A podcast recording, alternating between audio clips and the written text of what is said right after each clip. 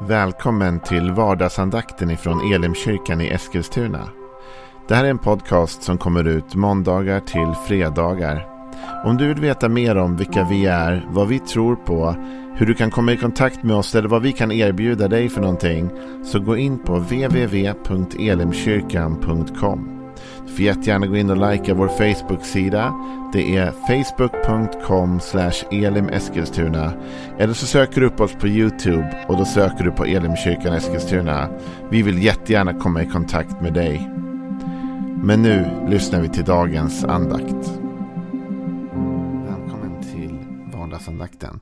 Vad roligt att du är med och lyssnar. Jag heter Joel Backman. Jag är pastor i Elimkyrkan i Eskilstuna. Och eh, idag ska vi fortsätta prata lite grann om vårt samvete. Och hur vi kan fatta goda och bra beslut som gynnar både oss och kanske de som är runt omkring oss. Och hur vi kan då med det leva med ett gott samvete. Av att känna att vi gjorde det rätta. Ja, men vi talat lite grann om utifrån Paulus vad han skriver i en debatt eller ett samtal om offerkött. Offerkött, det var kött som hade offrats till andra gudar.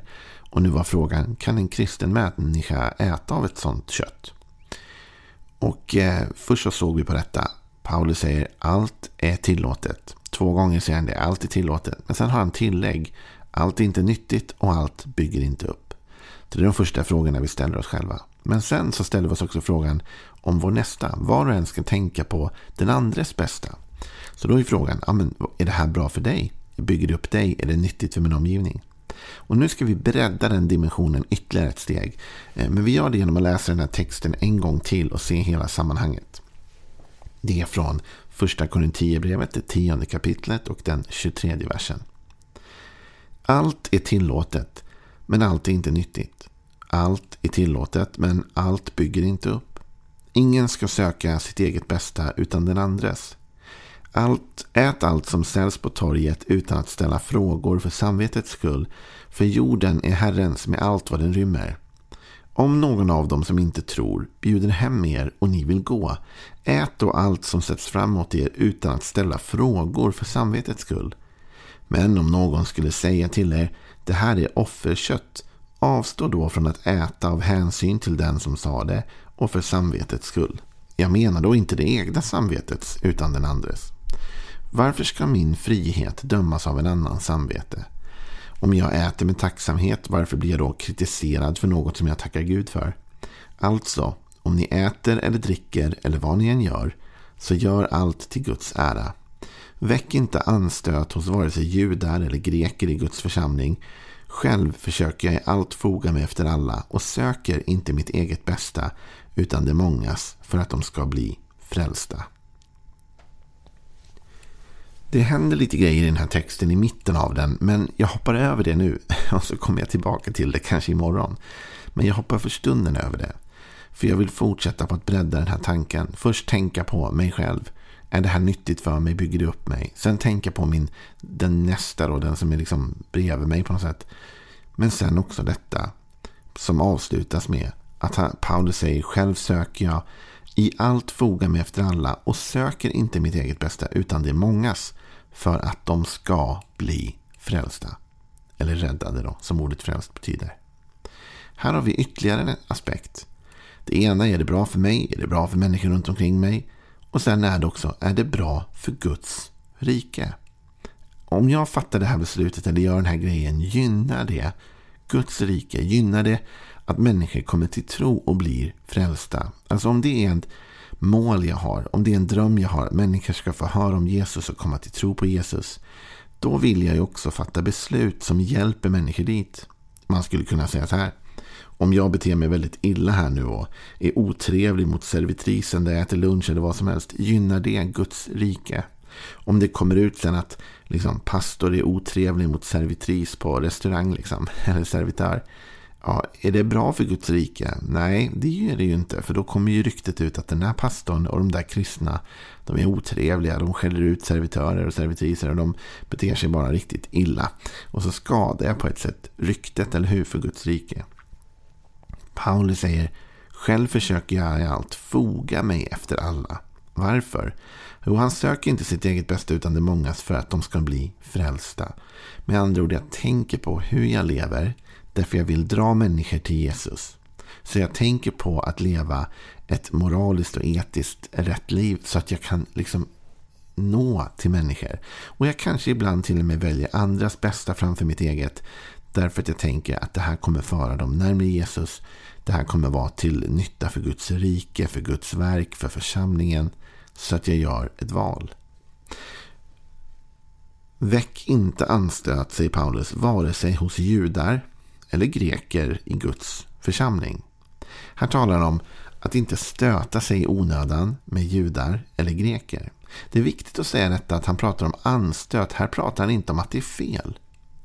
Alltså, det är inte nödvändigtvis så att det du och jag gör alltid är fel.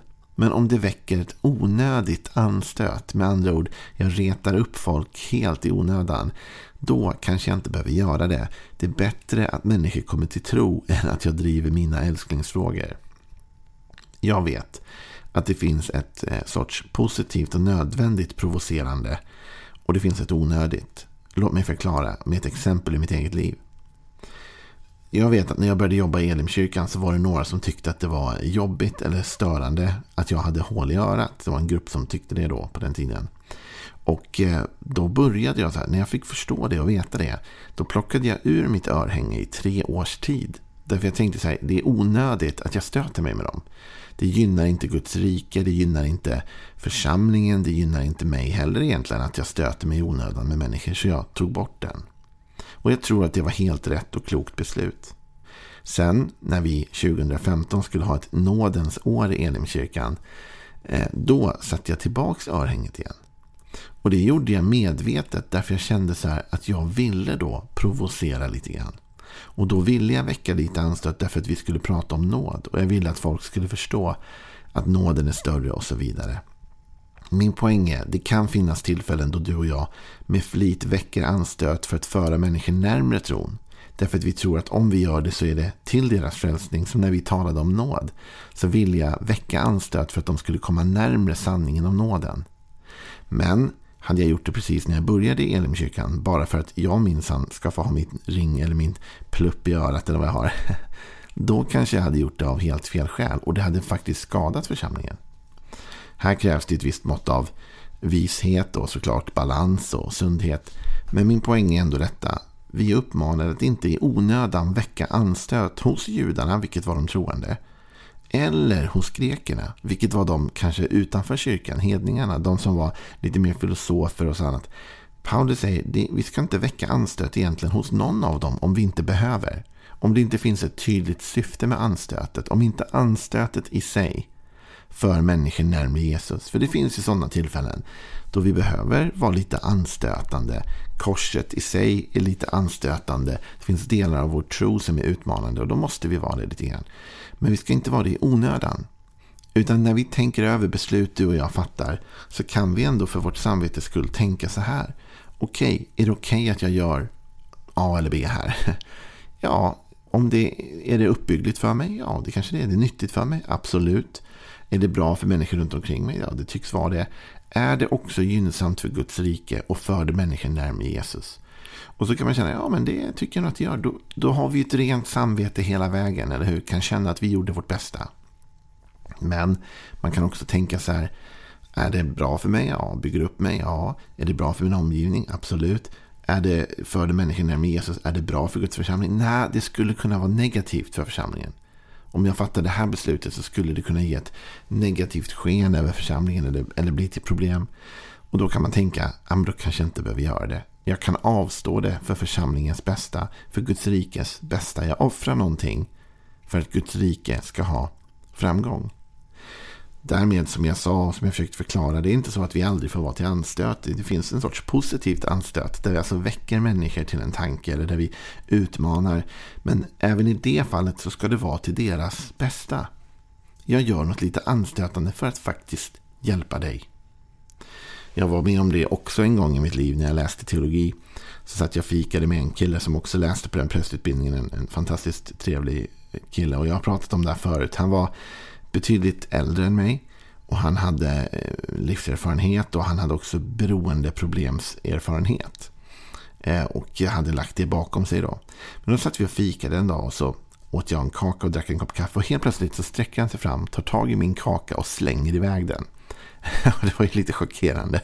Och så sa han så här, den där behöver inte du, sa han till mig.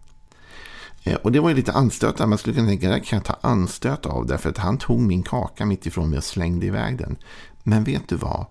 Jag förstod var han kom ifrån. Och jag visste att han menade väl. Han menade, Joel, du kanske inte ska äta så många kakor. Och man kan faktiskt argumentera för att det anstötliga det han gjorde var för mitt eget bästa. Och då var det ju såklart korrekt. Men det finns också människor som vill vara anstötande för anstötets skull. Man vill alltid provocera, man vill alltid irritera, man vill alltid leva on the edge och utmana allt och alla hela tiden. Och man liksom lägger någon sorts ära i att vara lite så vass. Va? Det tror jag inte på. Jag tror att vi ska vara anstötliga i den mån det gynnar andra människor och i den mån det gynnar Guds församling. Att vi utmanar lite grann, att vi pushar gränserna. Men vi är inte anstötliga för det anstötliga skull. Vi provocerar inte för provokationens skull.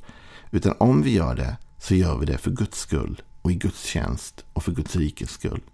Men det är en viktig tanke att bära med sig. Att när jag fattar beslut kan jag fatta beslut utifrån mig själv.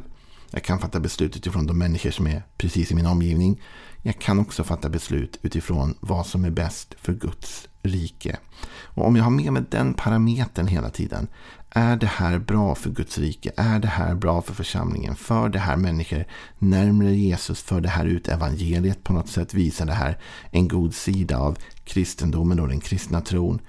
Ja, det, då vet vi att vårt samvete också ligger liksom inom de rimliga parametrarna. Då behöver vi inte gå och känna dåligt samvete sen.